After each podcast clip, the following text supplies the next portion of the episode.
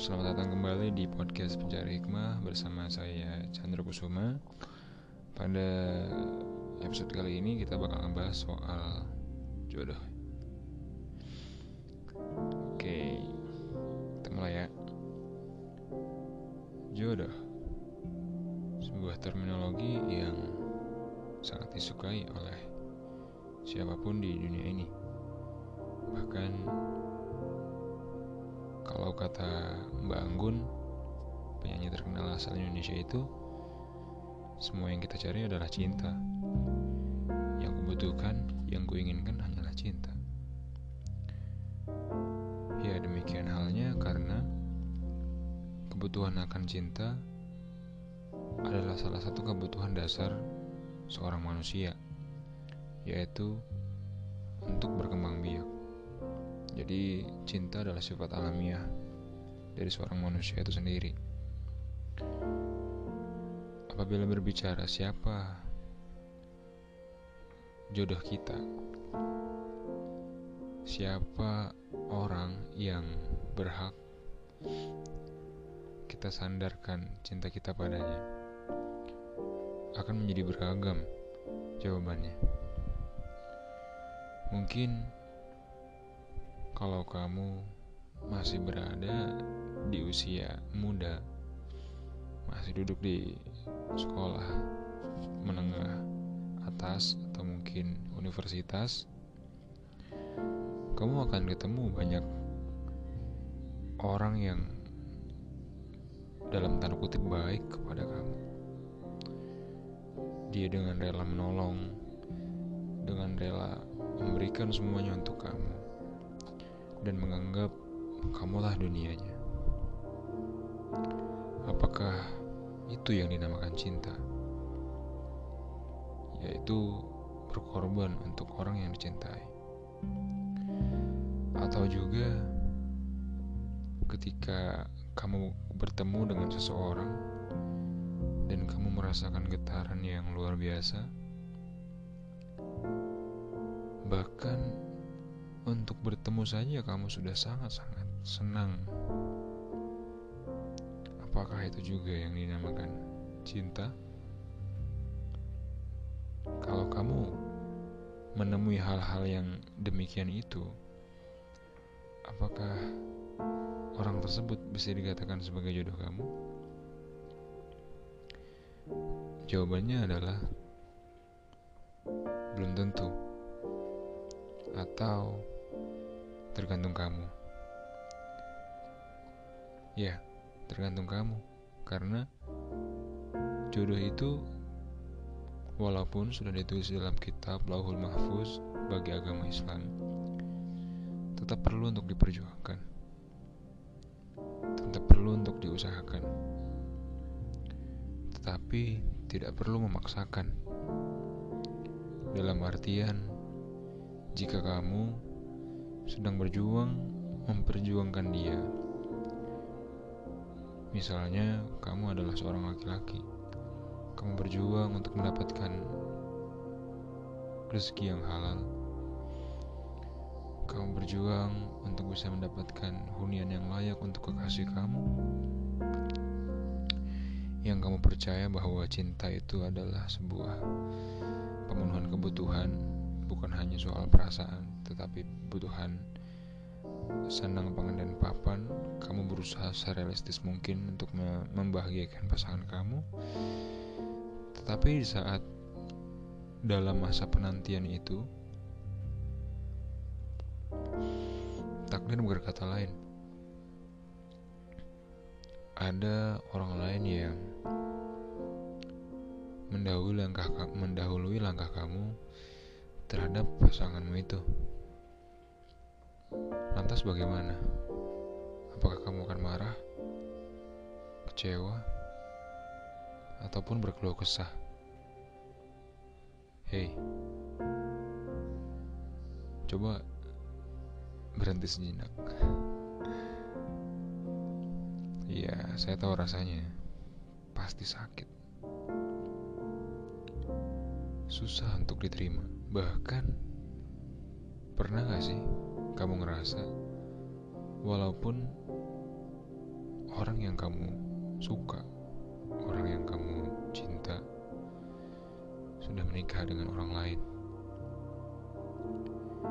Tetapi kamu masih punya rasa terhadapnya. Menyakitkan bukan? Mencintai tanpa harus memiliki.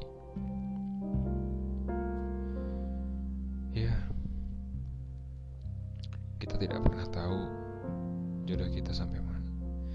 Pun ketika misalnya kita sudah menikah, kita tidak tahu jodoh kita ada berapa dan sampai kapan. Pembahasan mengenai itu belum banyak dibahas orang. Yang banyak dibahas adalah bagaimana menjemput jodoh kita yang pertama. Apakah yang pertama akan jadi selamanya? Apakah yang kedua akan jadi selamanya? Untuk yang menikah, apakah harus cerai dulu dan menemukan pasangan baru dan akan selamanya? Kita tidak pernah tahu.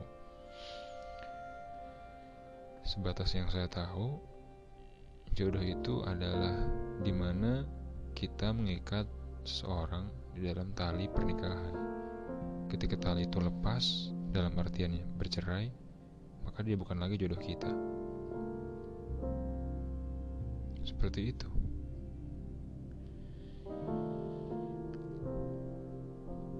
Dalam lamunan, pernah gak sih kalian itu teringat salah satu nama yang mungkin dulu pernah singgah dan menemani hari-hari kalian, mengisi kekosongan hari kalian menjadi penyemangat. Walaupun sedikit ngeselin ya. Cuman kerasa penuh aja gitu hari berwarna. Rindu gak sih saat-saat itu? Mungkin kalau kamu sudah menyanyiakan orang tersebut, kamu akan nyesal sekali. Kenapa aku sia-siain dia dulu ya? Kenapa nggak seperti ini? Kenapa nggak seperti itu? Penyesalan yang mendatangi di akhir.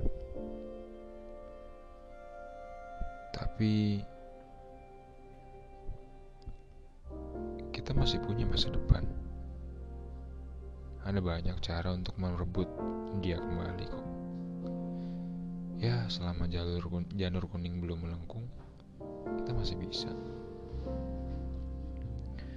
Walaupun terpaut lama jarak. Kalau kamu emang serius masih punya rasa sama dia diperjuangin dong. Kalau kamu laki-laki berikan kehidupan yang layak buat calon pasanganmu itu jangan biarkan dia kelaparan Jangan biarkan dia mempunyai tempat bernaung yang tidak layak. Jangan biarkan dia menderita. Kamu harus jadi pahlawan dia, menjadi penyejuk hati dia, menjadi tempat bernaung. Maka buatlah rumah yang nyaman untuknya. Home. Kalau dalam penantiannya nanti kamu dikecewakan olehnya ataupun oleh orang ketiga yang merebutnya duluan darimu tenang di sana masih ada sosok lain yang memiliki memiliki potensi untuk kamu cintai. Kita nggak pernah tahu orang lain apakah akan punya getaran yang sama dengan pasangan kita itu. Tapi kita bisa mencarinya. Karena cinta itu bukan hanya sekedar rasa, tetapi tentang tanggung jawab sangat beruntung ketika dia bisa mendapatkan yang dicintainya juga dengan penuh tanggung jawab.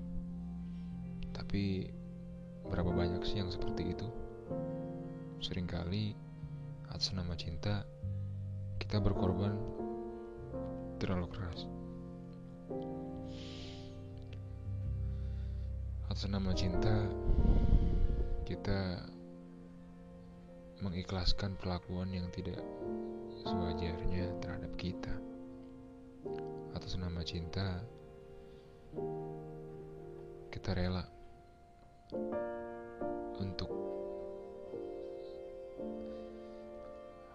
merendahkan martabat dan harkat sebagai seorang manusia. Kalau cinta sesungguhnya seperti itu, maka semua orang akan menderita. Maka hakikat cinta adalah saling menyayangi dan saling memiliki tanggung jawab atas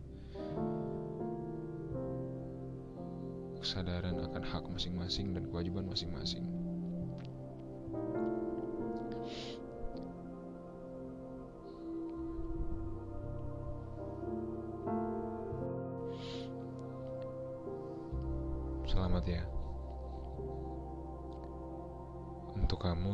Masih berusaha mencari titik temu atas ini semua. Gak apa-apa kok. Kita sebagai manusia hanya terus bisa berjuang dan berdoa. Berharap Tuhan memberikan balasan atas apa yang kita korbankan. Sampai jumpa.